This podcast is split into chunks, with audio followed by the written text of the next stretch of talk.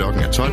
Nu er der nyheder på Radio 4. En talskvinde for den russiske oppositionspolitiker Alexei Navalny stat bekræfter, at han er død. Folkeskoleelevernes evne til at læse ser ud til at være dårligere end undersøgelser viser. Og så er det i aften, der bliver afholdt Melodi Grand Prix. Nyhederne kl. 12 er med Sofie Levering og Angela Brink. En talskvinde fra Alexei Navalny's stab bekræfter, at den fængslede russiske oppositionspolitiker er død, det skriver hun på X. Hans krop kræves udleveret til familien. Alexei Navalny's mor, Ludmila Navalnya, Navalnaya rejser til straffekolonien i Sibirien, hvor Putin-kritikeren blev meldt død fredag. Det skriver avisen Novaya Gazeta. Hun rejser til fængslet, som ligger i Sibirien sammen med Alexei Navalny's advokat. Mere end 100 personer meldes anholdt forskellige steder i Rusland efter meldingen om den russiske oppositionsleder Navalny's død. Det oplyser menneskerettighedsorganisationen OVD Info, som overvåger russisk undertrykkelse, skriver TV2. Alene i St. Petersborg er mindst 64 blevet anholdt. I Moskva meldes der mindst 11 anholdte. Ifølge organisationen fandt flere af anholdelserne sted, mens personer lagde blomster til minde om oppositionslederen. Og der kan være flere anholdelser, end gruppen kender til, skriver OVD Info. Den ukrainske præsident Volodymyr Zelensky talte for lidt siden ved den årlige sikkerhedskonference i München. Her sagde han, at Rusland udgør en stor fare for hele verden.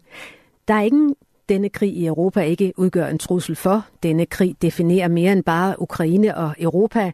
Dette er Ruslands krig mod alle, sagde Zelensky. Den ukrainske præsident mindede også om, at Ukraine lige nu mangler våben, og at det giver Rusland en stor fordel. I den forbindelse henviste Zelensky til tilbagetrækningen fra byen Avdivka. Her måtte Ukraine lade sig tilbagetrække for at redde liv, da tropperne blandt andet mangler ammunition. For eksempel er amerikanernes militærhjælp blevet forsinket i månedsvis i kongressen, skriver Reuters. Ukrainske styrker trækker sig fra byen Avdivka for at undgå at blive omringet. Det siger landets forsvarschef i et opslag på Facebook ifølge nyhedsbureauet Reuters. Ifølge det britiske medie BBC spiller byen en nøglerolle for frontlinjen i den to år lange krig mellem Ukraine og Rusland.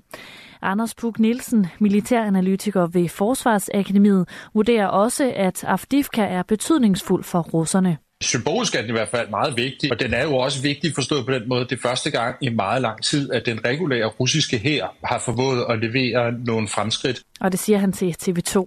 Avdivka ligger under 12 km fra hovedstaden i den besatte region Donetsk.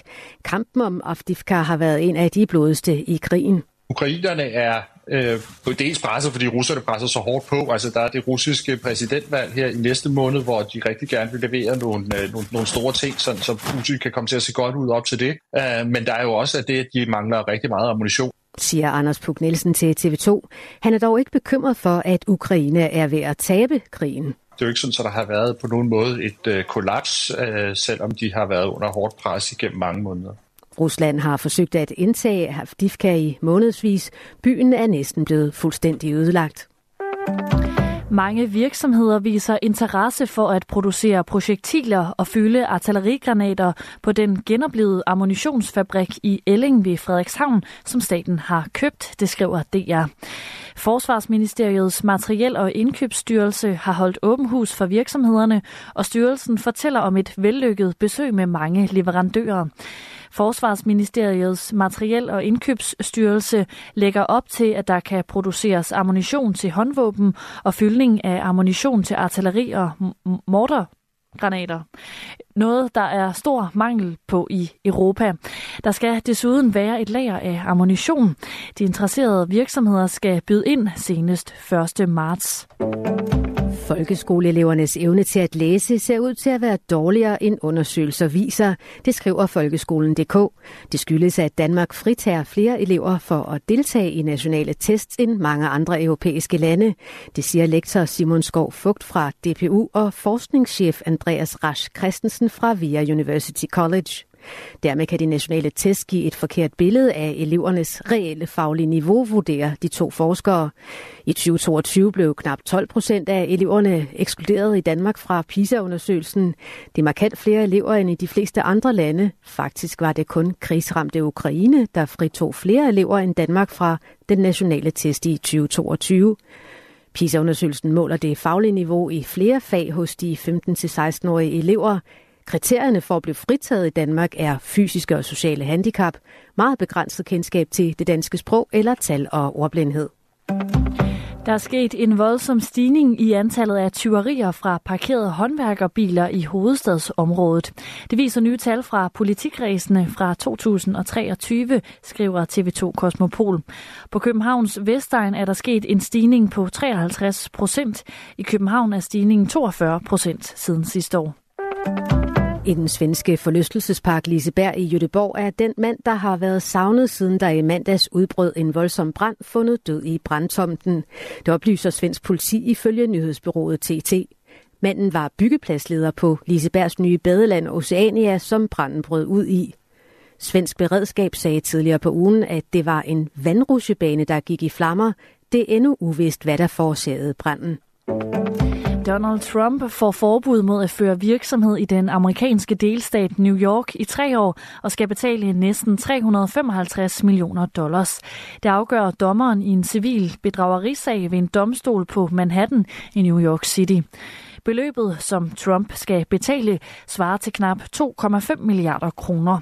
Sagen var rejst af New Yorks justitsminister, som beskyldte den tidligere amerikanske præsident og hans familievirksomhed Trump Organization for kunstigt at have oprustet virksomhedens værdi. Det skulle være sket for at få bedre låneforhold. Trump har afvist at have gjort noget forkert og har beskrevet sagen som en personlig vendetta anført af justitsministeren. Ifølge anklagen skal Trump hvert år gennem et årti have overdrevet værdien af sit familieforetagende med op til 3,6 milliarder dollar. Det svarer til knap 25 milliarder kroner. Donald Trump kalder afgørelsen komplet snyd og humbug på sit sin sociale medieplatform Truth Social. Han kalder også dommeren for en svindler og anklageren for korrupt. Et tankskib, der sejler under Panamas flag blev i går angrebet med et missil i det Røde Hav. Det siger en amerikansk embedsmand samt det britiske sikkerhedsfirma Ambrey ifølge nyhedsbureauet Reuters. Den pro-palæstinensiske Houthi-bevægelse siger i dag, at den stod bag angrebet. Houthierne er støttet af Iran og modstandere af Israel og USA. Bevægelsen har flere gange i den seneste tid angrebet fragtskibe i det Røde Hav. USA og Storbritannien har iværksat en militær operation for at beskytte skibe i området området. Den danske fregat Ivar Huitfeldt deltager. Den har dog alene mandat til at beskytte sig selv og civile skibe i området. Antallet af migranter, der krydser Atlanterhavet fra Afrika til de, Afri- til de kanar- kanariske øer, er mere end syvdoblet sammenlignet med samme periode sidste år. Det oplyser Reuters, skriver TV2. I år er knap 12.000 migranter uden officiel tilladelse nået frem til de spanske øer i perioden 1. januar til 15. februar. Sidste år var det tal 1600. Fortsætter den nuværende tendens, kan øerne regne med 70.000 migranter i år. De kanariske øer udgør tilsammen Spaniens sydligste grænse. Når der i aften afholdes Dansk Melodi Grand Prix, bliver det med flere kendte navne. Årets deltagerliste tæller nemlig blandt andet den tidligere X-Factor-deltager Basim. Programansvarlig på DR, Erik Struve Hansen, fortæller, at DR har gjort et par ting anderledes, for at Danmark i år får en kandidat, der kan gå langt i Eurovision. Vi har justeret vores musikstrategi i år på den måde, at vi virkelig er prøvet at gå efter en sang, som både fungerer i en dansk kontekst, altså som danskerne, der sidder og ser Dansk Melodi Grand Prix, forhåbentlig vil holde af, men som også meget gerne skulle lidt mere målrettet gå efter og klare sig godt i Eurovision. Og man kan roligt glæde sig til at slå sig ned foran skærmen i aften, lover han. Det bliver en fantastisk aften med, med otte fuldstændig forrygende artister på scenen. De er mega dygtige, og de har virkelig, virkelig gjort sig umage, og det har os, der laver showet også, og vores værter, så Bro og Stephanie Surud jo også gjort, og, og altså, det bliver et brag af en aften. Det er slet ikke i tvivl om. Og vi bliver ved Melodi Grand Prix, for ifølge Danske Spil har danskerne allerede en klar favorit til aftens konkurrence, og det er en sang, der starter sådan her.